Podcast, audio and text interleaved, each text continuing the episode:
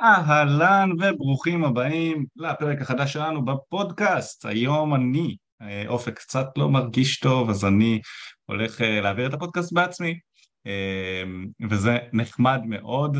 אז אני הולך לדבר היום על איך להיות מוכן לזוגיות. אנחנו הולכים לדבר על שלושה דברים מרכזיים היום.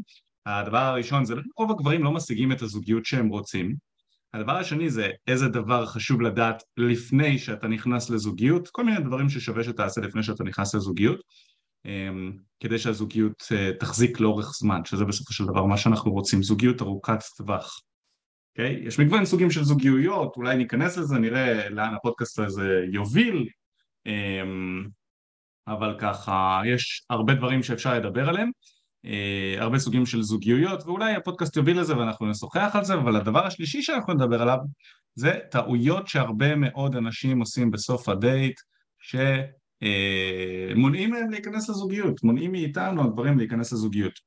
אז אה, אלה ככה הדברים שאנחנו נדבר עליהם, אני מאוד מאוד אשמח, אני מעביר את הפודקאסט הזה עכשיו בזום, אז אם יש לכם איזה שהם שאלות לאורך השידור אתם מוזמנים לרשום את השאלות שלכם כאן, אני אשתדל לענות עליהן, שאלות רלוונטיות. ואם אתם צופים בהקלטה של הפודקאסט שעולה לספוטיפיי או לאתר אז שתדעו שיש לנו גם קבוצה שבה אנחנו מפרסמים כל פעם שאנחנו עולים לשידורים חיים, ללייבים, כנסים, אירועים, סדנאות, סרטוני יוטיוב, כתבות חדשות, קבוצת וואטסאפ נחמדה כזו שאתם יכולים להצטרף אליה, היא שקטה, פעם ביום אנחנו מפרסמים שם איזשהו מסר מאיתנו, איזשהו משהו שאנחנו מעלים, הקישור נמצא איפשהו מסביב לפודקאסט הזה אז תירשמו אליו ומעבר לזה יהיה מאוד מאוד נחמד שתלחצו על כפתור הלייק בספוטיפיי, תראו איך אתם יכולים לפרגן לנו וגם אה, תשלחו את הפודקאסט הזה לאנשים שאתם אה, מאמינים שזה יכול לעזור להם. אז זה ככה בנוגע לזה, מי שלא מכיר אותי במקרה קוראים לי מיכאל ברי ובכמה שנים האחרונות אנחנו, אני ביחד עם אופק אנחנו בעצם הקמנו את החברה הזו שנקראת תקשורת אמיתית שמה שאנחנו עושים בה זה שאנחנו עוזרים לגברים לקחת שליטה על חיי ה dating שלהם, לפתח כריזמה, לפתח מיומנויות תקשורת כדי בסופו של דבר לחיות את החיים שהם רוצים עם נשים או עם אישה, מה שמעניין אותם. לכל אה, גבר יש את המטרות שלו ואנחנו עוזרים לגברים בסוף אה, לחיות חיים של סיפוק מחיי ה dating שלהם אה, ואנחנו מלמדים איך לעשות את זה. זה בנוגע לזה, אני חוקר את התחום הזה מגילאים, אה, עוד מהיותי נער, מעל חצי מהחיים שלי אני חוקר את התחום הזה, אני מיישם אותו בחיים האישיים שלי, היום אני נמצא בזוגיות שהיא, אה, לא הייתי אומר ארוכת טווח, אנחנו אוטוטו שלוש שנים, ממש שבוע הבא אנחנו נהיה שלוש שנים ביחד, אבל זה נחמד, כאילו בתור בן אדם שעוסק בדייטינג, אני יכול להגיד לכם שיצא לי לבלות עם לא מעט נשים ולהיכנס לזוגיות מתוך מקום שלם, מתוך מקום שאתה בוחר את בת הזוג שלך, מתוך שפע של נשים, זה אחד הדברים הכי טובים שאני מאחל לכל גבר שככה מאזין לפודקאסט הזה ואני אדבר איתכם גם על למה, אוקיי? אבל בואו נתחיל ככה לפי הסדר שרשמנו לעצמנו בראש. אז הדבר הראשון שרציתי לדבר איתכם עליו זה למה רוב הגברים לא משיגים את הזוגיות שהם רוצים. ואולי השאלה הזאת היא מנוסחת כשאלה של יש לה תשובה אחת, נכון? אבל נדיר שיש שאלות מורכבות שיש להן תשובה אחת שהיא פשוטה. כשאנחנו שואלים את השאלה הזאת של למה רוב הגברים לא משיגים את הזוגיות שהם רוצים, יש לזה מגוון מאוד מאוד רחב של כיוונים שאפשר ללכת אליו, אבל אנחנו ניקח את הדברים הכי נפוצים, את הסיבות הכי נפוצות שאנחנו רואים, לפחות אצל הגברים שעובדים איתנו, שמונעות מהם להיכנס למערכת יחסים. והסיבה הראשונה שרוב הגברים לא נכנסים לזוגיות מלכתחילה, אוקיי? לפני הזוגיות שהם רוצים, אני מדבר על זוגיות מלכתחילה, זה שאין להם מספיק אופציות. וזה מאוד פשוט להבין. יהיה לך קשה להיכנס לזוגיות בכלל, לא דווקא זוגיות עם הבחורה שאתה מאוד מאוד רוצה, שהיא מי שאתה חולם עליה בלילה, ואולי עם, שנראית בדיוק כמו שמושך אותך עשר מעשר, אנחנו עוד לא מדברים על זה, אני מדבר עוד להיכנס לזוגיות, אפילו להתפשר על זוגיות באופן ראשוני מאוד מאוד קשה לגברים בראש ובראשונה כי אין להם מספיק אופציות. מה זה אומר אין מספיק אופציות? זה אומר שאני נכנס לטינדר, אני פותח אותו, אני עושה מלא מלא מלא סווייפים ימינה ואולי חמש אחוז מהאנשים שאני עושה להם swipe ימינה במקרה המאוד מאוד טוב מחזירות לי swipe ימינה. אז אני פותח את היום שלי עם איזושהי, עם אולי אחד או שני מאצ'ים כאלה עם בחורות שגם לא בהכרח הן בדיוק בטעם שלי. אני מתכתב איתן, הן עושות לי טובה שהן מתכתבות איתי בחזרה ובדרך כלל מאוד מאוד קשה להוביל את זה לכיוון של דייט, לכיוון של פגישה. אז זה אחד, רוב הגברים מכירים רק בממד אחד, בממד הדיגיטלי ומאוד קשה להכיר שם. אז מה שקורה זה שבעצם הכמות נשים שנמצאות אצלי בחיים היא מאוד נמוכה. כשאני שואל את הגבר הממוצע לכמה דייטים יצאת בשלושה ארבעה חודשים האחרונים רובם נותנים לי מספר יחסית נמוך, מספר חד ספרתי שלושה חודשים זה תשעים ימים, נכון? בתשעים ימים לכמה דייטים יצאת? בדרך כלל אנשים אומרים אחד, שניים, חמישה עכשיו חמישה דייטים בשלושה חודשים זה מאוד מאוד קצת הרי מתוך החמישה דייטים האלה, עם בוא נגיד שתיים שלוש נשים שונות, אתה צריך גם לוודא ולהבין האם היא מתאימה לך, גם לראות שהיא נראית כמו בתמונות, נכון? הרבה פעמים אנחנו נופלים שאתה רואה מישהי יפהפייה בתמונות באפליקציות ואז אתם נפגשים והיא לא לטעמך. גם אתה צריך למצוא חן בעיניה. גם אתה מתמודד בתחרות הזאת שעוד מלא גברים נלחמים עליה אז אם יצאת איתה לכל כך מעט דייטים בזמן כל כך ארוך בינתיים היא יצאה להמון דייטים בעצמה עם גברים אחרים, כן? לא רק איתך, נשים וגברים הם מקבלים גם יחד. אז כמות כזו של חמישה דייטים בשלושה חודשים זה מאוד מאוד מעט עכשיו אם אנחנו לוקחים את זה צעד אחד אחורנית, אני הרבה פעמים שואל אותם גם אוקיי, יצאת למעט דייטים, זה מובן עכשיו תספר לי, עם כמה נשים התחלת בשלושה חודשים האלה? זאת אומרת, כמה מערכות יחסים חדשות ניסית לפתח, לפתוח? וגם כאן אני מקבל תשובות מאכזבות. גם פה הרבה פעמים אני מקבל תשובות חד ספרתיות, וזה עצוב. זאת אומרת, בשלושה חודשים בן אדם אומר לי, אה, כמה נשים התחלת? אה, כמעט ולא התחלתי עם אף אחת. ואני מדבר איתכם על במציאות, לא באונליין, נכון? לשלוח היי מה קורה למישהי זה לא לפתוח או לפתח מערכת יחסים מסוימת, זה פשוט לנסות ולבדוק. כשאני אומר לפתח מערכת יחסים אני מתכוון לגשת למישהי במטרה חד משמעית, לקבל, אה, אה, לפתח איזושהי שיחה ובסופה להחליף טלפונים, פרטי התקשרות כאלה ואחרים ולצאת לדייט, אוקיי? זה בגדול איך שאני מסתכל על לפתוח איזושהי אופציה למערכת יחסים. לשלוח לנשים הודעות בפייסבוק זה, זה כולם עושים, אוקיי? זה כולם עושים, זה לא, זה לא מביא תוצאות, זה לא מביא, זה כמעט ולא מביא דייטים וזה גם כאב ראש אחד גדול, אנחנו ממליצים להתחיל במציאות, עשיתי, עשינו את זה, עשינו את זה כבר מגוון רחב של סרטונים. אז זאת אחת הבעיות המרכזיות ללמה גברים לא משיגים זוגיות נקודה, פשוט אין להם מספיק אופציות, אין להם מספיק אופציות עם נשים ויש לזה פתרון, אנחנו מדברים עליו בסרטונים אחרים, לא בסרטון הזה, הפתרון בקצרה הוא להכניס אופציות לחיים שלך. להכניס אופציות לחיים שלך זה אומר להתחיל עם יותר נשים, ללמוד איך לעשות את זה יותר טוב, ואז להכניס גם את הנשים האלה לחיים שלך, ומתוך הנשים האלה לבחור את האחת המרכזית ש, שמעניינת אותך שעלתה על כולנה. אז זה אחד. עכשיו עלתה פה איזושהי שאלה, רון שאל אותי לכמה דייטים אני יצאתי בממוצע לפני שנכנסתי לזוגיות. זו שאלה מעניינת, אני יכול להגיד לכם שלא מעט אנשים רוצים להשוות את עצמם אליי, ואני יכול להגיד לכם לכמה דייטים יצאתי. היו שבועות שיצאתי לכמה דייטים ביום, והיו שבועות שלא יצאתי לדייטים בכלל, אבל אם נסתכל על זה בממוצע, אז אני הייתי יוצא לשניים, שלושה, ארבעה דייטים בשבוע, ותמיד היו לי, תמיד היו לי נשים בחיים, זאת אומרת, זה היה עוד בזמן שלאורך השבוע גם היו לי יזיזות וסטוצים ודברים כאלה, ועדיין הייתי מכניס כל הזמן נשים חדשות לחיים שלי, אבל לא צריך להשוות את עצמכם אליי, חבר'ה. כל אחד צריך להשוות את עצמו לעצמו במסע שלו, שזה מאוד מאוד חשוב. אתם לא רוצים להשוות את עצמכם לאנשים שכבר נמצאים שם וכבר עברו את התהליך הזה, זה לא הגיוני להשוות את עצמכם אליי. לכל בן אדם יש תהליך שונה, אוקיי? וזה משהו שחשוב להבין. אה, אני כן מציע לגברים לצאת לשניים שלושה דייטים בשבוע. אני ממליץ לעשות את זה כן כדי ללמוד מי אתה, מה אתה אוהב בנשים, להכניס נשים לחיים שלך ואחד הדברים הכי חשובים שגם עליו אני רוצה לדבר כאן זה על הנושא של הנזקקות כשאתה יוצא להרבה דייטים אז אתה בעצם לא שם הרבה מאוד לחץ על בחורה אחת כי אתה מבין שגם אם הדייט איתה לא ילך, אז יש לך עוד שניים השבוע, הכל טוב. וזה מועיל, זה מועיל גם לך וגם לבחורה, כי אתה מגיע מ mindset של יותר שפע. ומי ש... ש... אני מאוד אוהב ל... אה, לנתח ולדבר על הדברים האלה כמו שמדברים על עסקים וכסף, כי זה מאוד דומה, גברים מאוד uh, מבינים כסף ועסקים. אז למה אומרים שכסף מושך עוד כסף?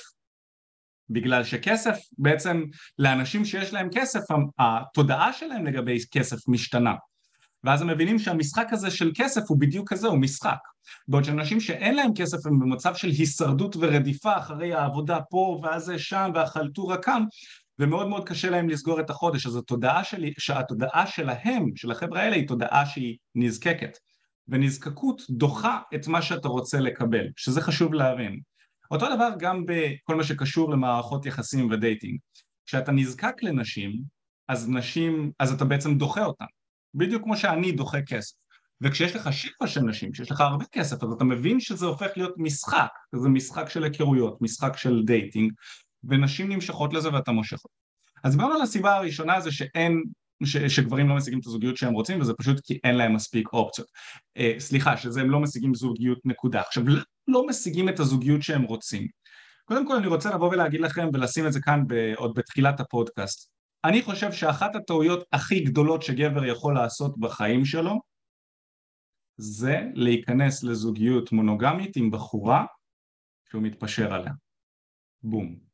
זאת אחת הטעויות הכי גרועות שאתה יכול לעשות בחייך ואסור לך לעשות את הטעות הזו במיוחד אם אתה עכשיו גבר צעיר שמאזין לי באזור גילאי 20, 25 אתה אולי מאזין לזה ואתה ככה אולי קצת התנסית, אולי היית בזוגיות, היא לא הייתה משהו, אתה רוצה ללמוד איך להצליח בזוגיות הבאה ואולי אתה עוד לא היית בזוגיות ואתה רוצה ללמוד איך לעשות את זה כבר בצורה טובה מההתחלה. ואני יכול להגיד לכם ש...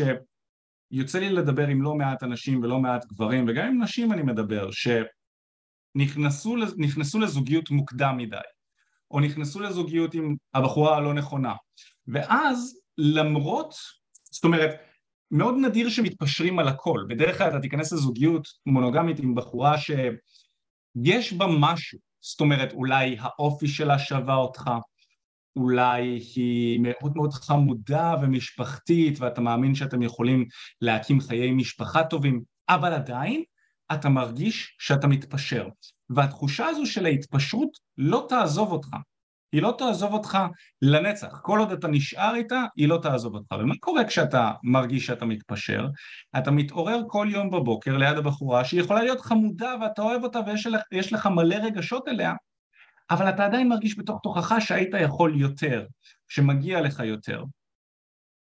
ומה שקורה זה שאתה בעצם, אה, אנשים שחיים את החיים בצורה הזו הם הולכים לחיות חיים מאוד מאוד אומללים והאומללות הזו תמשיך גם הלאה, לא רק להם על עצמם על החיים שלהם, אלא גם לחיים של האישה שלהם וגם לחיים של המשפחה והילדים שלהם, התסכול הזה ממשיך הלאה.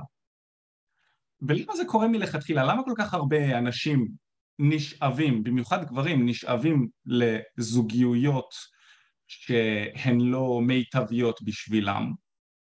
אני מאמין שזה אה, כמה דברים. א', נכנס, להיכנס לזוגיות מוקדם מדי, או לשים בכלל את המטרה של להיכנס לזוגיות בשלב מוקדם מדי בתהליך. צריך להבין משהו מאוד חשוב, גברים ונשים עובדים שונה. לנשים יש שעון ביולוגי, ולכן הן צריכות להיות לחוצות לגבי הפרטנר שהן הולכות להיכנס איתו לקשר מונוגמי כדי לעשות איתו ילדים ושהגבר הזה ישמור להן על ה... אתם יודעים, ישמור להן על התא המשפחתי ויעזור לפרנס את הבית ויהיה אוהב ותומך והכל אז לנשים יש איזשהו שעון וצריך להבין גם שהערך של אישה מבחינה ויזואלית יורד. הרי גברים הם מסתכלים על נשים באופן ויזואלי בהרבה, הרבה מהפרמטרים שבהם גבר נמשך לאישה זה ויזואלית קודם כל ואז הוא בוחן את האופי של אותה הבחורה. הוא קודם כל בוחן האם אני נמשך אליה חיצונית ואז הוא ניגש אליה ומדבר אליה אם התשובה היא כן. מדבר איתה ובוחן האם היא מתאימה לו. ואישה נמצאת בגילאים הכי יפים שלה באזור גילאי 20 ומגיל 30 בערך היא מתחילה לראות דעיכה הנראות החיצונית שלה, נקרא לזה ככה. ואז השווי, השווי שלה, השוק שלה, השווי שוק שלה יורד, אוקיי? באזור גיל 30. אבל מה קורה לגבר באזור גיל 30? גבר, ב... צריך להבין שגבר בין גילאי 18 לגיל 21 הוא בצבא, אין לו כסף, אין לו אוטו, בקושי יש לו יכולות לממן את עצמו ולחיות עם עצמו, הוא, הוא תקוע במסגרת קשוחה, אה, אין לו חופש, כל הדברים שבעצם חשובים לבחורה, קשה לו מאוד ליישם. ואז הוא משתחרר מהצבא, גיל 21, אולי עשה איזשהו טיול, זה מתחיל ללמוד. שלוש, ארבע, חמש שנים שבהם הוא גם כן נתפס כערך יחסית נמוך בעיני נשים חדשות, פרטנריות פוטנציאליות. בואו נגיד באזור גיל 27-28 הוא ככה התחיל להתאפס על עצמו, באזור גיל 30 בעצם מה שקורה זה שהכוחות מתחילים להתהפך, האישה מתחילה להיכנס לשלב שבו השווי שוק שלה יורד והגבר נכנס לשלב שהשווי שוק שלו עולה בגלל שהוא עדיין נראה יחסית טוב בגיל 30 אבל גם הוא מתחיל לפתח יכולות כלכליות ואם זה מגיע גם לביטחון העצמי שלו הוא מתחיל לפתח יותר חופש הוא uh, מתחיל לחיות את החיים לפי החוקים שלו יותר. זאת אומרת גבר שהוא מתבגר יותר הוא מתחיל להיכנס לש, לשנות ה... Uh, uh, לשנות הכי, לשנים הכי יפות שלו עכשיו זה קטע כי גם נשים בגילאי 30 אולי אומנם מאבדות מהערך החיצוני שלהן לאט לאט נקרא לזה אבל גם נשים מפתחות יותר ערך פנימי. ומה קורה בעצם באזור גיל הזה, באזור גילאי 30, ואני חווה את זה ממש על עצמי, והיה לי יום הולדת שנה שעבר, אה, שנה שעברה, היה לי יום הולדת לפני אה, כמה ימים, שבוע שעבר, ובאזור גיל 30 בעצם מאזן הכוחות מתחיל להתאזן. אתה ונשים פחות או יותר נמצאים באותו מאזן כוחות בשווי שוק אה, במונחי dating נקרא לזה ככה. ובגיל הזה כשאתה מתכנן לחפש פרטנרית מונוגמית לאורך זמן אתה מגיע עם הרבה יותר שכל, גם עם יותר כוח אתה מגיע לשולחן כי אתה יודע מה אתה הולך להוסיף לשולחן בזוגיות שלכם וגם אתה מגיע עם יותר ניסיון אם עשית עבודה טובה לפני זה ואם הקדשת מחשבה ומאמץ לחיי ה dating שלך בגילאי 20 זאת אומרת אני בכוונה נותן פה את הגילאים כי מאוד קל להבין את העניין הזה של הגילאים בצורה של גילאים אבל כמובן שזה לא בהכרח תלוי גיל okay? אוקיי? זה לא בהכרח נקודתית תלוי בגיל שלך, זה לא אומר שבגיל 30, בום, בדיוק ביום של היום הולדת שלך ייפרץ איזשהו סכר בגיל 30 ואתה תראה שינוי משמעותי ל dating, לחיי ה dating שלך, לא, צריך לעשות תהליך ומאמץ מגילאי ה-20 אבל לאן אני חותר עם הנקודה הזו? אני חותר עם הנקודה הזו לזה שבמדינה היהודית שלנו, במדינת ישראל שהיא לחוצה באופן כללי ועם המשפחות שלנו שלוחצות עלינו להיכנס למערכות יחסים מונוגמיות גם מגיל קטן, מגיל צעיר, גיל 18, 20, 22, 24, כבר ההורים והמשפחה וסבא סבתא באים ולוחצים עליך ואומרים לך מה, מתי חברה, מתי זוגיות, מתי אתה מביא הביתה, ואז אתה מוצא זוגיות, מה, מתי חתונה, מתי ילדים, אני רוצה ילד, אני, אני רוצה נכד, אני רוצה זה, חבר'ה שחררו מאיתנו, אוקיי? זה גם לא נכון ללחוץ על, אה, על בני משפחה להיכנס לזוגיות כשזה לא נכון להם, לא, כל אחד צריך לעשות את זה בזמן שמתאים לו, וזה גם לא יעיל, כי הרבה מאוד חבר'ה שמתחתנים בגילאים צעירים עושים את זה מתוך אה, חוסר ניסיון וחבל. אז מה שאני רוצה להגיד, למה בעצם אה, אה, סיבה נוספת לזה שרוב הגברים לא משיגים את הזוגיות שהם רוצים, זה בגלל שהם נכנסים לזוגיות מונוגמית מוקדם מדי, מלכתחילה, עם בחורה שהיא לא מיטבית להם, ואז הם פוגעים בעצמם פעמיים. הם גם נכנסים לזוגיות שהם מתפשרים בה וגם יהיה להם קשה לעזוב את הבחורה הזו כי הם כבר נקשרו אליה רגשית ואז נוצר מצב קטסטרופלי, אני לא מאחל לאף אחד אבל זה קורה להמון המון אנשים שאתם נמצאים בזוגיות ומצד ואתם נמצאים בדילמה של שתי אופציות שדילמות של שתי אופציות אלה הדילמות הכי קשות בעולם. כי אין לך אופציה אחת שהיא טובה ואופציה אחת שהיא לא טובה ואז מאוד מאוד קל לבחור. יש לך שתי אופציות שלשניהן יש טוב ורע ואתה צריך לבחור באחת מהן ש... ולהתמודד עם, ה... עם הכאב שהבחירה שלך מביאה, נכון? אתה יכול לבחור להישאר איתה ואתה אוהב אותה ואתה מכבד אותה והיא תהיה אשת משפחה טובה ויש לזה המון פלוסים אבל המינוס הוא שאתה מתפשר אתה יכול לבחור להיפרד ממנה. ואז יש לזה יתרונות כמובן אתה נקרא לזה חופשי יכול לחזור לשוק ה dating ולבדוק, ולבדוק את השווי שלך ולצאת עם נשים איכותיות יותר אבל יש לזה גם חיסרון מה אם לא תמצא מה אם ההיא לא תסכים לחזור אליך אחרי זה? זה פחד, זה ללכת ללא נודע. אז זה, אה, זה נושא מעניין מאוד, הנושא הזה. וזו סיבה נוספת שהרבה גברים לא משיגים את הזוגיות שהם רוצים. סיבה נוספת שאני מוצא שגורמת לאתגר להיכנס לזוגיות ובכלל להכיר נשים חדשות, לצאת, אה, אה, מעבר לדת וכל הדברים האלה, אני מוצא שזה פורנו, וכן, בחרתי לדבר גם על פורנו בפודקאסט הזה. חבר'ה פורנו זה בעצם משהו ש, שצריך להבין שבשביל, קודם כל קרוב מאוד למאה גברים, למאה אחוז מהגברים צופים בפורנו היום, זה משהו שאתם יודעים, זה כבר הוכח, רואים את זה, קרוב למאה אחוז מהגברים צופים בפורנו. והעולם עוד לא הצליח להבין לחלוטין את המשמעות של זה שלכל גבר יש גישה במרחק של כמה קליקים לנשים היפות ביותר בעולם שמוכנות לעשות פחות או יותר את אה, כל מה שאתה מבקש מהן, נקרא לזה ככה. בלחיצת כפתור, אה, בלי מאמץ, בדיסקרטיות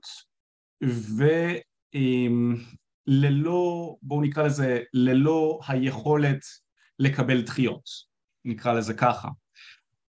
עוד לפני אפילו שאני מדבר על האקט עצמו של אוננות מול פורנו, האקט עצמו של הכניסה לפורנו, הפשוטה והקלה, עם הנשים היפהפיות, והיכולת, אתם יודעים, להגיע גם לאורגזמה יחסית מהר לנשים היפהפיות האלה שעושות מה שאנחנו אומרים להן, אה, בלי שהן יכולות, אה, נקרא לזה, להגיד לא, להתנגד, לדחות אותנו, עדיין לא ברור במאה אחוז ההשפעות של העניין הזה, אבל כמובן שיש על זה השפעות. ברגע שאני אומר את זה בצורה הזו, כל אחד שיש לו מוח בתוך הראש מבין שיש, שיש לזה השפעות לעניין הזה שאתה יכול ב-10-15 דקות לראות יותר נשים יפות ערומות שעושות, אתם יודעים, תנוחות וקולות במחשב שלך או בפלאפון שלך, יותר מאשר חיים שלמים שמלך לפני כמה מאות שנים היה יכול להיחשף אליהן.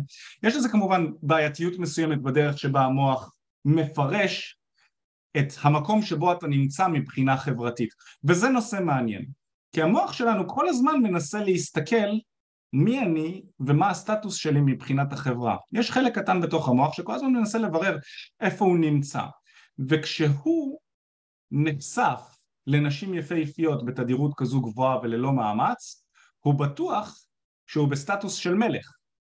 הוא בטוח שהוא זיין עולם, כאילו בואו נקרא לזה ככה. החלק הזה במוח בטוח ש... שאתה תותח על.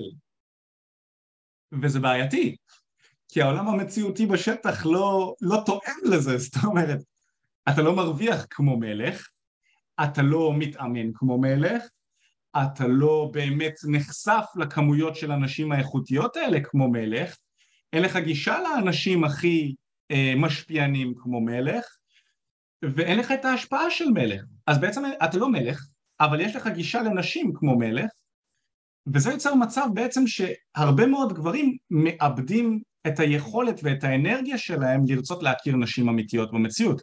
כי המוח כבר אומר, למה אני צריך להתאמץ? יש לי. אני אפתח את הפורנו, אני אסתכל על איזה אישה שאני רוצה, על הכוכבת האהובה שלי, שאני אתאמץ עכשיו לצאת החוצה, להכיר נשים, אני להסתכל בתחיות, מה יגידו לי לא. לפעמים שואלים אותי מה קרה לגברים בעידן של היום, למה כל כך מפחדים לגשת ולהתחיל עם נשים.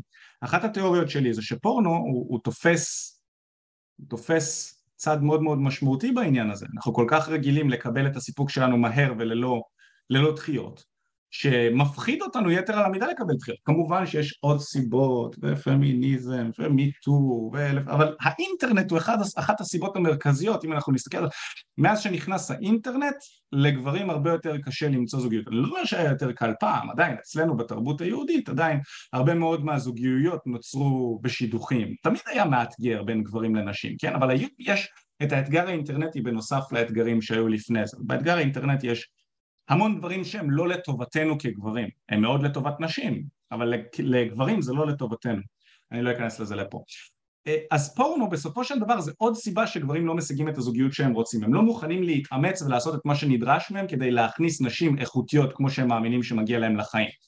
והמוח שלהם מאמין שמגיע להם אישה יותר איכותית ממה שמגיע להם בפועל, וזה משהו שמאוד חשוב להבין.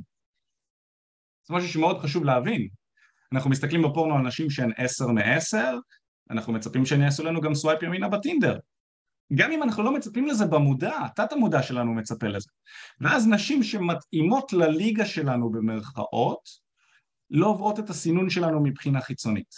ואז מה קורה? בעיות בזקפה. זה אחד הדברים הכי נפוצים אצל גברים צעירים היום, אחת מבעיות המין הכי נפוצות אצל, אצל גברים צעירים. חבר'ה, מי שיש לו בעיות בזקפה והוא בגילאי 20, 30, גם בגילאי 40, זה לא סביר.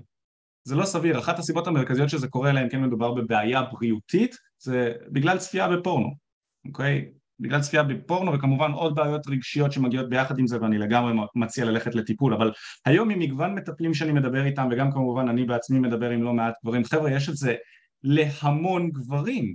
הנושא הזה של אה, בעיות בזקפה זה, זה כבר נהיה כאילו כמעט אצל כל בן אדם. זאת אומרת כל גבר שאני מכיר חווה את זה אני חוויתי את זה בעצמי. אה, הייתה לי תקופה שחוויתי איזושהי טראומה, טראומה מינית באחת הפעמים שזרמתי עם בחורה הביתה ממועדון. דיברתי על זה באחד מהסרטונים שלי אותה בחורה לא עמד לי איתה והיא יצאה עליי והיא נעלבה מאוד והשאירה לי צלקת מינית למשך שנתיים כשהייתי רוצה לשכב עם נשים לא היה עומד לי הייתי חייב להשתמש בכל מיני חומרים חיצוניים עד שטיפלתי בזה עשיתי על זה סרטון ביוטיוב. אז בקיצור אני מדבר על זה הנושא של הסרטון הוא למה גברים לא מצליחים להיכנס לזוגיות וגם כמובן כל הנושא המיני כל הנושא האינטימי דברים שמרגישים עם זה איזושהי חרדה איזשהו פחד בכל הנושא הזה אז כמובן שיהיה להם קשה גם לפתח את זה אה, ולהיכנס לזוגיות מתוך זה, אוקיי? אז זה ככה בנוגע לזה. בואו נעבור לנושא השני, דיברנו קצת על למה רוב הגברים לא משיגים את הזוגיות שהם רוצים, דיברנו פה על כמה וכמה דברים מעניינים. הדבר השני שאני רוצה לדבר איתכם עליו זה על איזה דברים חשוב לדעת לפני שאתה נכנס לזוגיות. אז קודם כל אחד הדברים הראשונים שצריך להבין זה שזוגיות זה לא פתרון קסם לבעיות שלך בחיים, אוקיי? זוגיות זה לא פתרון קסם לבעיות שיש לך בחיים, תזכור את זה. להפך, כל בעיה שיש לך בחיים היום, זוגיות הולכת להיות או אמצעי שבאמצעותו אתה תוכל לקבל עוד שיקוף כדי לפתור את הבעיה הזו באמצעות קושי, או שזה הולכת להיות אתגר שהולך לחבל לך בחיים אם הזוגיות שלך לא מפותחת, וזה משהו שצריך להבין. בואו ניתן דוגמה פרקטית כדי שתוכלו להבין אותי יותר לעומק. בואו נגיד ואתה כגבר מרגיש חוסר ביטחון או שאתה מרגיש שאתה רוצה מישהי שתשלים אותך כי אתה, אתה בדיכאון רוב הזמן ואתה מול הטלוויזיה ואתה רוצה מישהי לעשות איתה דברים ולצאת איתה וליהנות. ובואו נתעלם לרגע מהעובדה שכמעט אף בחורה לא רוצה להצטרף לחיים של גבר כזה אבל נצא מתוך נקודת הנחה שמצאת בחורה שמוכנה להיכנס לחיים שלך בזמן שאתה חי חיים משעממים. נצא מתוך נקודת הנחה אז הרבה מאוד חושבים שזהו, הבחורה שנכנסת איתי לזוגיות במצב הזה, יהיה לי כיף איתה, וסוף סוף אני אוכל לצאת מהבית, וזה באמת קורה. חודש, חודשיים זה באמת קורה, אתם יוצאים, אתם מבלים, אתם נהנים, אבל אז מה שקורה הרבה מאוד פעמים זה שחוזרים להתנהגות הקודמת שלפני הזוגיות. ובעצם חוזרים להישאר בבית ולהישאב לנוחות ומנסים לשאוב את חברה שלנו לזה גם כן ויכול להיות שזה יתאים לה והיא תשאב לתוך זה גם כן, ויכול להיות שהיא תגיד, אה, גם מה זה, מכרו לי חתול בשק, אה, חודש, חודשיים ראשונים יצאנו, טיילנו, בילינו, היה כיף, ועכשיו פתאום הוא נרקב לי פה מול הטלוויזיה כל היום, מה קורה כאן?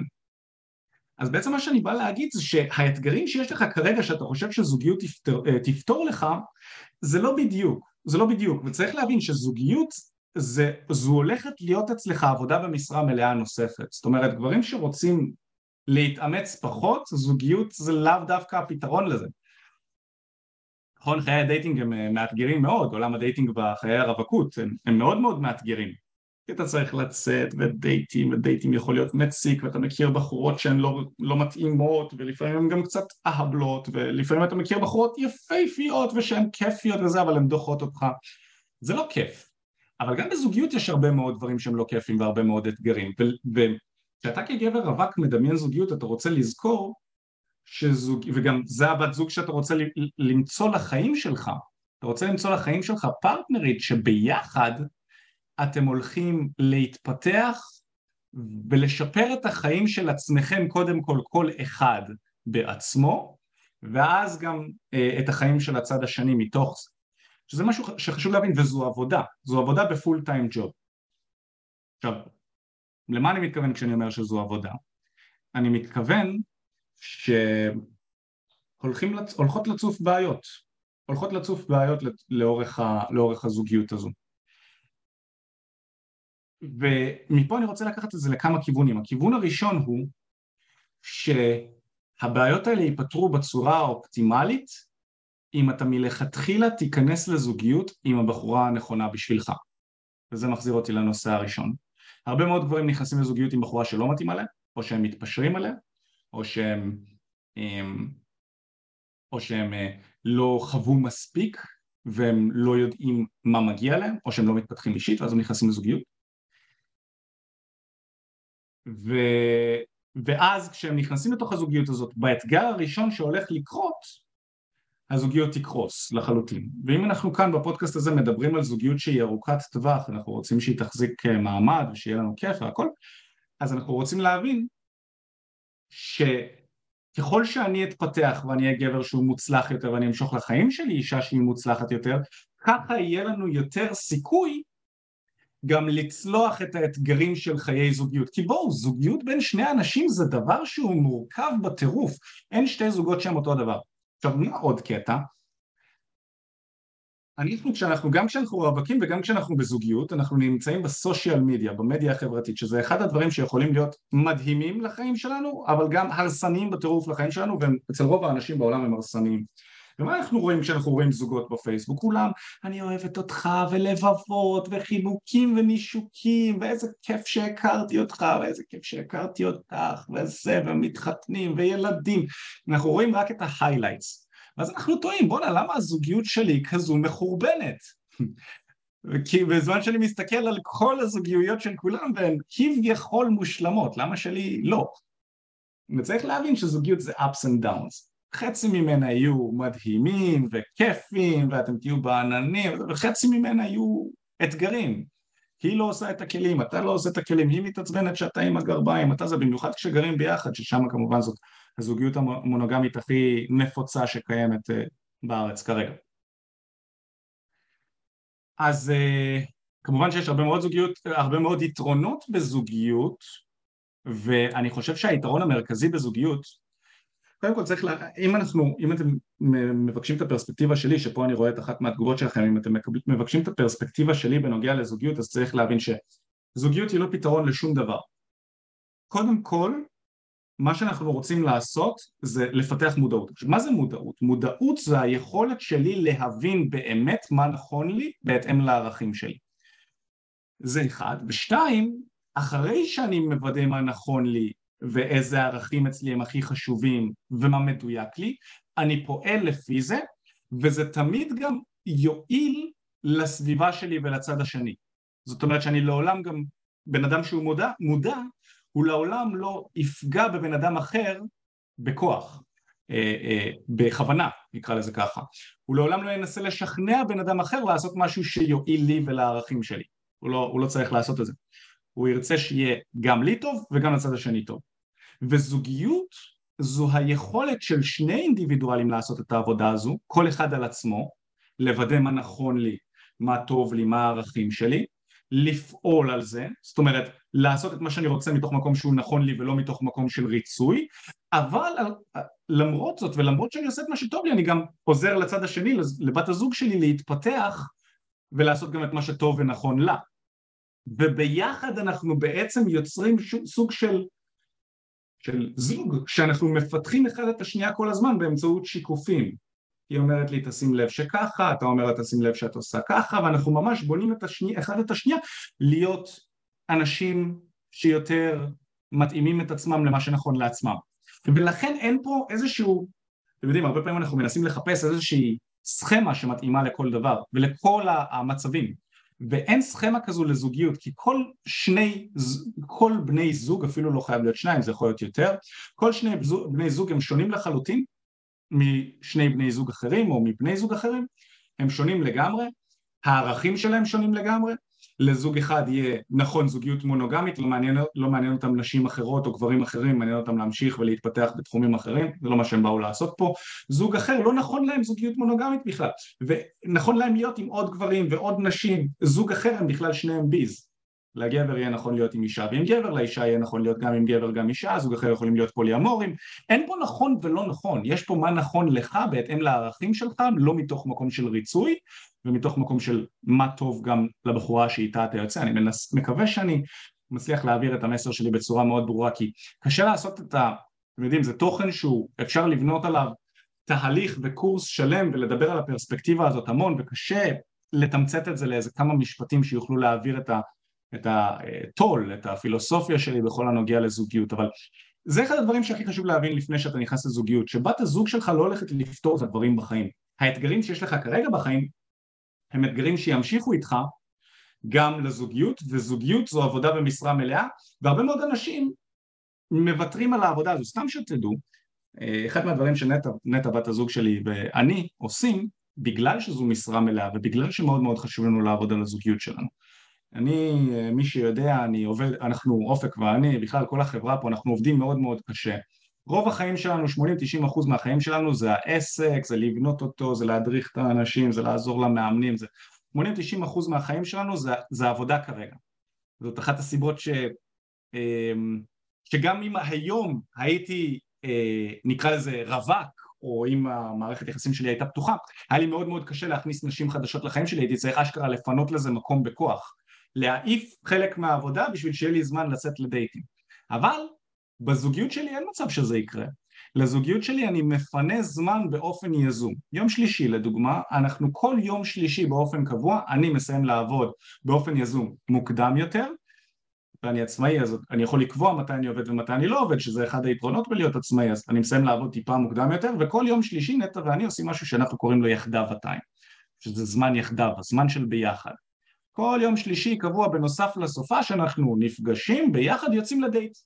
וזה ימשיך גם, אתם יודעים, בעזרת השם, אולי כן, אולי לא, משפחה, ילדים, גם כשיהיה לנו ילדים, אנחנו נש, נשמור ונשמר את היחדיו הזה ביום שלישי, כי מבחינתנו זה קדוש ואנחנו עושים את זה עוד מתחילת הזוגיות שלנו, יום באמצע השבוע שבו אנחנו מקדישים זמן לזוגיות, זה יכול להיות פעם אחת לדייט, פעם אחת סרט, פעם אחת לשבת ולדבר על החיים, ומה שאני רוצה שתיקחו מזה זה שתזכרו שזוגיות זאת עבודה לכל החיים, זאת בעצם עבודה במשרה מלאה כל עוד אתם ביחד אתם רוצים לעבוד על הזוגיות, לשמר אותה, זה לא שנכנסת לזוגיות וסיימת. אתה רוצה לזכור שהאתגרים שאתה מביא מהחיים האישיים שלך הולכים להיכנס לתוך הזוגיות ולנסות ולמזער את ההשפעה של האתגרים האישיים שלך על בת הזוג שלך. לנסות, זה דורש מודעות, כמו שדיברנו על זה מקודם. אוקיי, אז זה דבר, כמה דברים שככה חשוב לדעת לפני שאתה נכנס לזוגיות, אבל עוד מסר שמאוד מאוד חשוב לי לדייק לכם, לכל החבר'ה הרווקים שהולכים להיכנס לזוגיות. הבחירה של בת הזוג זה אחד הדברים הכי חשובים שאתה יכול לעשות כל עוד אתה רווק. אם אתה מעניין אותך זוגיות מונוגמית. אתה צריך להבין מי אתה רוצה בחיים שלך, איזה אישה אתה רוצה להתעורר לידה בבוקר. סתם לדוגמה, אם אתה גבר, ש... שאתה יודע שיש לך צרכים מיניים גבוהים, נקרא לזה ככה. זה אחד האתגרים המאוד גדולים אצל, זוג... אצל, אצל בני זוג, האתגר הזה שהאישה רוצה פחות סקס מהגבר או ההפך. זה אתגר מאוד מאוד גדול. ואם אתה גבר שאתה יודע שיש לך צורך מיני יחסית אה, גבוה, אז אתה תצטרך לוודא שבת הזוג שלך גם כן יש לה לפחות חשק מיני כמו שלך וזה צריך להיות אשכרה כתוב לך, אתה צריך לדעת את זה, להיות מודע לזה ולהבין את זה שאם אתה הולך לצאת עם פרטנרית שיש לה חשק מיני ירוד פלוס היא מצפה ממך להיות מונוגמי אליה, שמי שלא יודע אגב מה זה מונוגמי, לא אמרתי עד עכשיו, זו זוגיות שהיא אחד על אחד, זאת אומרת רק אני עם, הבחורה ויש בינינו הסכם שאף אחד לא שוכב עם אף אחד אחר או יוצא עם אף אחד אחר, זה מונוגמי אם היא גם עם חשק מיני ירוד וגם מונוגמית, אתה הולך לחיות חיים ארוכים מאוד של תסכול מיני. התסכול המיני הזה יוביל אותך לפורנו. עכשיו פורנו לא אמרתי גם, אחד, זה, זה בעצם משחרר אצלך כמות אה, דופמין, כמות אוקסיטוצין מאוד מאוד גדולה במוח, כמות לא, אה, לא סבירה ולא טבעית, אה, מה שגורם לזה שדברים אחרים, הנאות טבעיות אחרות של החיים, כמו לטייל בטבע, להצליח, לעשות איזושהי מכירה מטורפת, לצאת מהבית, כל מיני דברים כאלה, זה גורם לך לפחות הנאה. חברים, גורם לך לפחות הנאה, כי אתה פשוט מאוד מאוד נהנה מהפורנו ומהכמות דופמין שהוא מביא, המוח שלך רגיל לזה והוא עושה תהליך שנקרא דיסנסיטיזציה, שזה בעצם אומר שהגירוי שלך לדברים אחרים יורד. זה, זה תהליך שהמוח עושה כדי להתמודד עם, ה, עם ההצפה הזאת של, ה, של דופמין, ובכלל זה לא רק לדופמין, לא משנה, לא ניכנס לזה. אבל אמ, בקיצור העניין הזה של לבחור את הפרטנרית מראש נכון הוא קריטי ברמות. ואומנם נתתי פה את העניין של התסכול המיני אבל זה נכון לעוד מגוון רחב מאוד של תחומים. מי אתה רוצה, איזה פרטנרית אתה רוצה, האם אתה רוצה אישה כמו של פעם שהיא תהיה במטבח, תטפל בילדים, תעזור לך ותתמוך בך ותהיה אה, אישה כזו, אתה יודע, שתומכת בך בזמן שאתה כובש יעדים ועסקים ושהיא תהיה יותר תומכת או שמעניינת אותך אישה שהיא תתמוך כלכלית במשפחה בדיוק כמוך, אולי מעניין אותך בכלל שאתה תהיה המטפל ועם המשפחה ושהיא תלך ותפרנס אתכם, זה גם יכול להיות. גם פה אין תשובה אחת שהיא נכונה לכולם. הדת לדוגמה היא מנסה להגיד לך זאת הדרך לחיות, תחיה אותה, שיהיה לך בהצלחה, אין דרך אחרת, נקודה, חתונה, ילדים, נגמר הסיפור, כמה שיותר ילדים, כמה שיותר מהר, יותר טוב.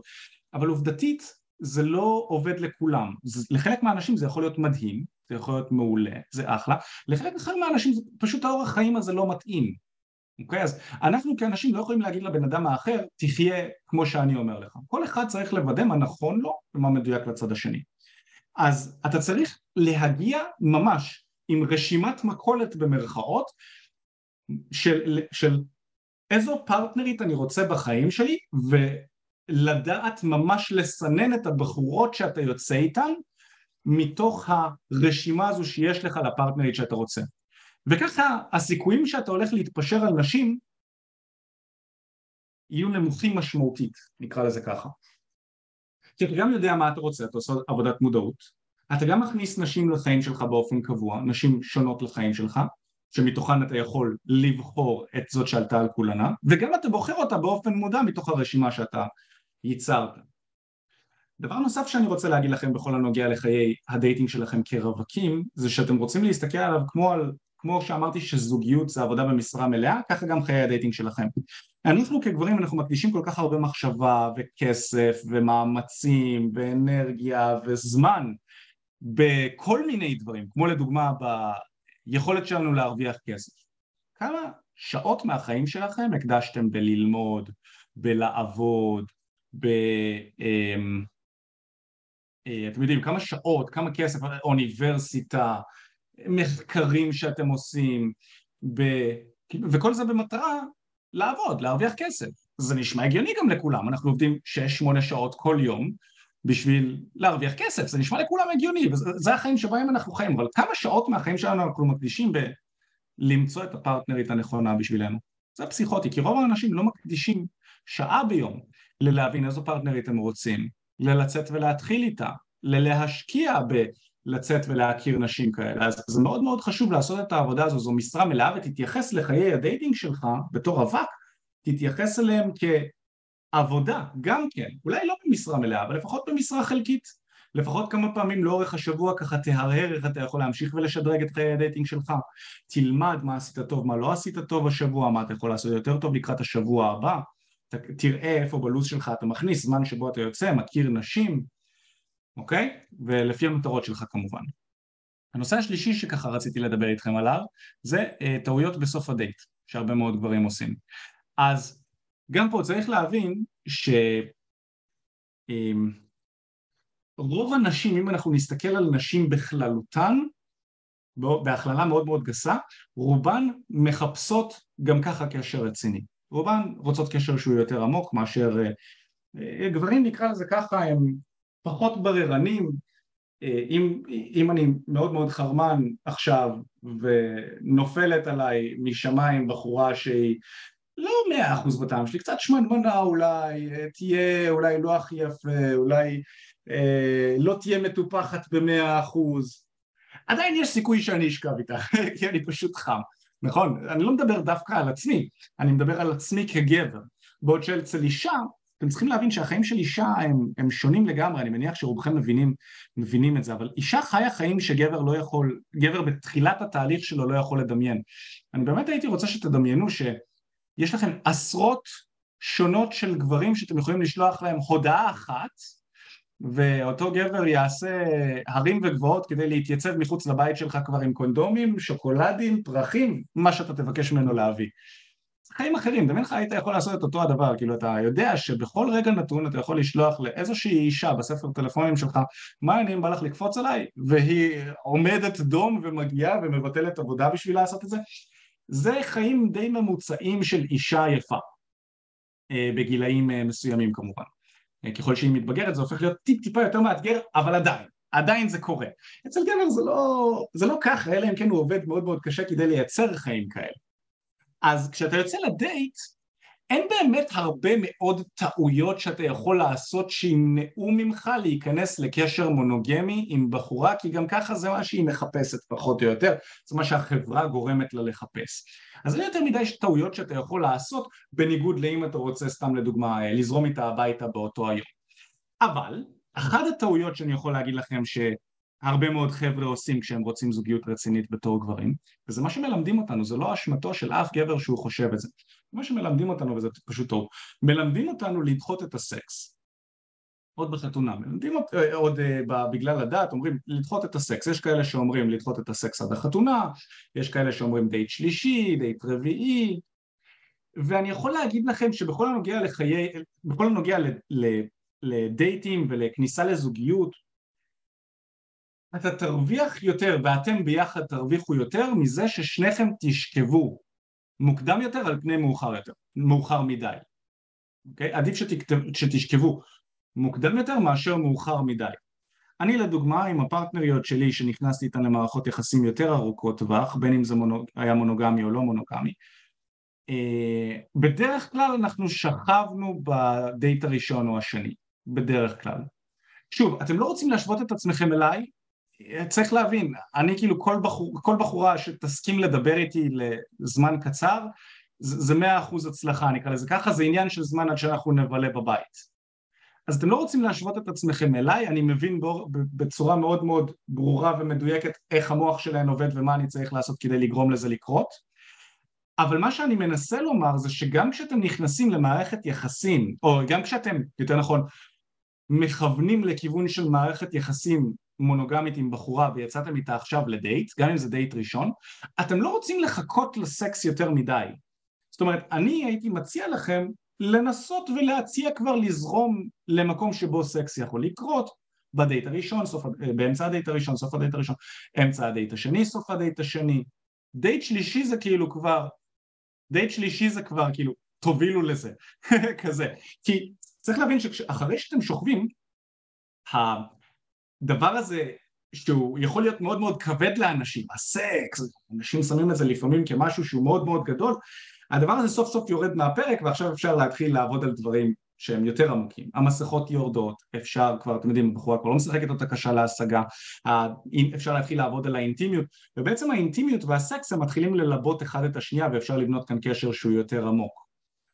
לפני סקס יכולה להיות לכם אינטימיות, אבל האינטימיות מגיעה עד איזושהי רמה מסוימת, נכון? מתישהו צריך לשכב כדי שהאינטימיות תמשיך להעמיק. ובלי אינטימיות סקס, סקס הוא, הוא מאוד אה, מעפן כי הוא טכני בלבד אז וזה בדרך כלל לא מה שגברים מחפשים אפשר באותה מידה כאילו לעשות סקס עם רכוש הרבה יותר זול נקרא לזה עם איזה נערת ליווי עולה לא יודע כמה זה עולה כבר אבל אה, דייטים זה גם משהו שהוא מאוד מאוד יקר הרבה יותר יקר מאשר ליווי. למי שחושב שבת זוג זה אה, זה, זה הופך להיות זול יותר מאשר חיי הדייטינג או משהו כזה, אז לא ולא, אה, זוגיות זה, זה יקר, צריך גם להשקיע בזוגיות וכולי וכולי, מי שמחפש אה, קיצורי דרך באמצעות הארנק שלו, זוגיות זה לא, לא הכיוון, יש מספיק נשים שישמחו לקחת ממך את הכסף שלך בשביל לתת לך את הגוף שלהן, לא מומלץ כמובן, זוגיות נותנת דברים אחרים שהם הרבה יותר עמוקים וכיפים. אבל בכל הנוגע למיניות, גם בזוגיות, בכיוון אה, של זוגיות מונוגמית, אתה רוצה לעשות את זה מוקדם על פני מאוחר, כמובן מתי שנוח לך, אתה לאו דווקא רוצה ללחוץ על עצמך ועליה לעשות את זה, אבל הייתי מציע לך כן לנקות מעליך כל מיני מחשבות מגבילות בכל, או מחשבות מכשילות בכל נוגע למיניות וסקס ומתי כדאי לעשות את זה. אוקיי, מדהים, בואו נראה איזה שאלות היו לנו פה. אמ, אז רון שאל האם אני מדבר יותר על לצבור ניסיון עם הרבה בנות או ממש לנסות להיכנס לסטוצים וזה אז תראה כל, אה, לכל גבר צריכה להיות את המטרה שלו בכל הנוגע לתחום הזה מה בדיוק מעניין אותך? יש גברים שלא מעניין אותם סטוצים ואני לא אגיד לך אחי תכריח את עצמך לשכב עם בחורה באופן חד פעמי אני לא אגיד לך אני כן יכול להגיד לך שיכולה להיות לא מעט תועלת בלעשות סטוצים ובלצבור ניסיון מיני עם נשים מגוונות ורבות. יש בזה לא מעט תועלת, זה פשוט לא מתאים לכולם. יש אנשים שמה שהם מכוונים אליו מלכתחילה זאת מערכת יחסים מונוגמית עם בחורה אחת וזה מעולה, אבל גם אותם גברים כדאי להם, יועיל להם, שיהיה להם שפע של נשים שהם יצאו איתם, בילו, בילו איתם, דיברו איתם, והנשים האלה גם נמשכו לאותו הגבר, והייתה את האופציה להמשיך. זאת אומרת, זה שיש לך הרבה ידידות בחיים זה לא נחשב, לא. אתה רוצה שיהיה לך שפע של נשים שהן מעוניינות בך וגם אתה מעוניין בהן ושהן יכולות להתאים לך ומתוך זה אתה רוצה לבחור את הדובדבן שבקצפת הזאת שעלתה על כולנה עם הבחורה הזו כשאתה תיכנס איתה לזוגיות יהיו לכם חיים ארוכי טווח הרבה יותר משמעותיים הרבה יותר טובים ואתם תצלחו את האתגרים. זה מה שאני אומר. אז לא אתה לא חייב לעשות סטוצים אני לא מכוון אף אחד לעשות שום דבר.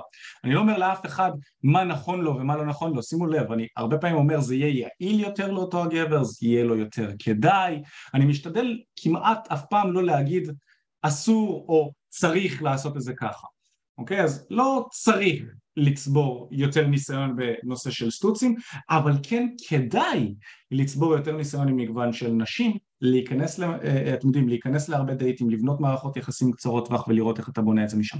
עכשיו ללא מעט גברים זה יכול להיות מאתגר, נכון? כל הנושא הזה של אה, איך אני מתחיל עם מישהי ויוצא איתה לדייט, או איך אני מגדיל את הכמות נשים שאני יוצא איתן, או או איך אני אה, יוצא ליותר דייטים, מצליח עם נשים איכותיות יותר, מעלה את האיכות של הנשים האלה מפעם לפעם. זה, זה שאלות שהרבה מהחבר'ה שמתחילים לעבוד איתנו שואלים אותנו, אה, איך אני מפלרטט, איך אני גורם לבחורה להימשך אליי, איך אני גורם לה לרצות להיות איתי בקשר, או שאלות כמו מה, אני, מה כדאי לי להגיד לבחורה כשאני ניגש אליה, איך להתגבר על הפחד לגשת, מה לעשות כשהיא עם חברה שלה, שאלות בסגנון הזה. ו... ויש לנו בעצם תשובות על כמעט כל השאלות האלה ברמת הידע. ברמת הידע יש על כל שאלה כזו סרטון בערוץ היוטיוב שלנו, תקשורת אמיתית, אני מזמין את עצמכם לחקור ולבדוק. יחד עם זאת, אני יכול להגיד לכם שבנוסף לידע צריך לעשות גם פעולות בשטח. והפעולות בשטח ביחד עם ידע נכון ומדויק זה מה שמייצר תוצאות משמעותיות לכיוון, לכיוון שאתם רוצים. אוקיי? רק להמשיך ולצבור עוד ידע לא יעזור. אז אם אתם כבר פה ואתם מאזינים לפודקאסט במשך אה, אה, שעה אני חושב, כמעט שעה, אז אני מציע לכם גם לעשות קצת יותר מזה, אתם כבר כאן. מה דעתכם שאנחנו ניקח אחריות על התהליך שלכם ונראה איך אנחנו יכולים לעזור לכם לא רק לענות על השאלות האלה, אלא גם להראות לכם פיזית בשטח איך לעשות את זה.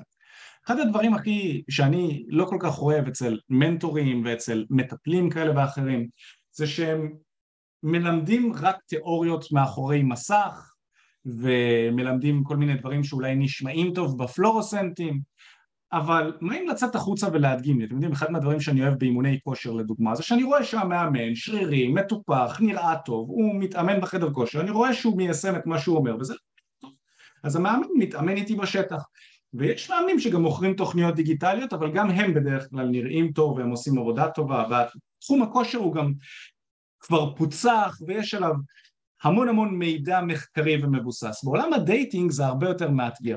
כי עולם הדייטינג הוא עוד לא פוצח וזה משהו שצריך להבין. עולם הדייטינג הוא עולם מאתגר. זה לא שיש שלושה, ארבעה, חמישה סוגי גוף ולפי זה מתאימים לך את התוכנית אימונים הכי מדויקת לך, כל בן אדם הוא שונה מחברו. ולכן מה שאני חושב ש... ולכן אנחנו פיתחנו גם את התהליך המיוחד שלנו, מה שאני חושב שהכי עוזר לאנשים בתחום הזה של בינו לבינה זה שיהיה מאמן שהוא כמו אח גדול שיוצא איתך החוצה ומדגים לך בשטח איך לעשות את הדברים שאנחנו מלמדים. ממש יוצא ביחד איתך ומראה לך איך לגשת למישהי שמעניינת אותך, איך לגשת ליד חברה שלה, מה להגיד לה, איך לגרום לה להתעניין בך, איך להחליף איתה מספר טלפון, איך להתכתב איתה אחרי זה, ממש בן אדם שעבר את התהליך הזה בעצמו ועכשיו רוצה לבוא ולהראות לך איך לעשות את זה גם כן. אנחנו בתקשורת אמיתית גם פיתחנו שיטה שהיא אה, כבר העברנו אותה למאות גברים בארץ שהיא משנה להם לגמרי את חיי הדייטינג אתם יודעים מקצה לקצה ממש לפני כמה שבועות העברנו כנס בתל אביב, אה, היו מאה איש וככה אחד החברים שהיו שם, בחור חמוד בן 27, תפס אותי בצד והוא אמר לי מיכאל תשמע אני בן 27, אה, הייתי בתול עד לפני שבוע ובזכות המאמן שלכם שהוציא אותי אה, החוצה והראה לי איך לעשות את זה סוף סוף, יצאתי עם מישהי ושכבתי איתה לפני שבוע ואני רוצה להגיד לכם תודה רבה. אני אומר לכם, השערות שלי סמרו באותו הרגע, אני מאוד מאוד התרגשתי, זה בשביל, בשביל הדברים האלה אני נמצא כאן. בשביל התוצאות שלכם ואני חושב שמאוד קשה להביא תוצאות לגברים בתחום הזה באמצעות תיאוריות ובאמצעות הקשבה לעוד ידע. צריך להראות להם פרקטית איך לעשות את זה. ופרקטית איך לעשות את זה פיתחנו שיטה שנקראת חמשת השלבים שמראה לך איך לעשות את זה מההתחלה ועד הסוף עם בחורה שהכרת הרגע וגם אנחנו עושים את זה ביחד עם אימונים אישיים. ממש מאמן יוצא איתך ומראה לך איך לעשות את זה בשטח. אם זה משהו שנשמע לך טוב אז אה, אה, יש אה, קישור מי שנמצא כאן בלייב אז יש קישור כאן בתגובה, אתם יכולים להיכנס אליו, להשאיר את השם ואת הטלפון שלכם. מי שמאזין לפודקאסט דרך ספוטיפיי, דרך האתר שלנו, אז הקישור לשיחת ייעוץ בחינם נמצא איפשהו אה, מסביב כאן, אתם יכולים ללחוץ על זה. בעצם בשיחה הזו אנחנו נכיר אתכם, נלמד מי אתה, כי כל בן אדם שונה, נבין איזה מהתהליכים שלנו הכי מתאים לך, לפי המטרות שאתה תציב, כי לכל אחד יש גם מטרות שונות. אז אנחנו נבין מה אתה תרצה להשיג ואיזה מהתהליכים שלנו הכי נכון לך כדי להביא אותך לתוצאה הזו כמה שיותר מהר. אז זה בעצם מה שאני מציע לעשות. אם אתה רוצה לקחת שליטה על חיי הדייטינג שלך, להצליח עם נשים, לצאת ליותר דייטינג, אז אה, בוא נתאים לך תהליך אישי להשגת המטרות האישיות שלך. אני משאיר כאן את הקישור, תלחצו עליו, תשאירו את השם ואת הטלפון שלכם, ואחד מאיתנו ניצור איתכם קשר בהקדם. זה הזמן לעשות את זה חברים, תעשו את זה, ואחרי שהשארתם את הפרטים שלכם לשיחה, אני מזמין אתכם גם, אם עוד לא עשיתם את זה, ללחוץ על הלייק של הספוטיפיי, אה, ככה לסמן שאתם אוהבים את הפודקאסט שלנו, זה מאוד מאוד עוזר, להפיץ אותו לעוד מישהו אם אתם חושבים שזה יכול לעזור לו. אה, וכמובן אם יש לכם איזה שהם שאלות אישיות אליי, על הפודקאסט, על הפרק הזה, כל דבר שככה מעניין אתכם, אתם מוזמנים ליצור איתי קשר, מיכאל בארי בפייסבוק או באינסטגרם, אני ממש ממש משתדל לענות לכל מי ששולח לי הודעה אישית. זהו, חברים יקרים, תודה רבה שצפיתם עד כאן והאזנתם, אנחנו נתראה בפודקאסט הבא, להתראות.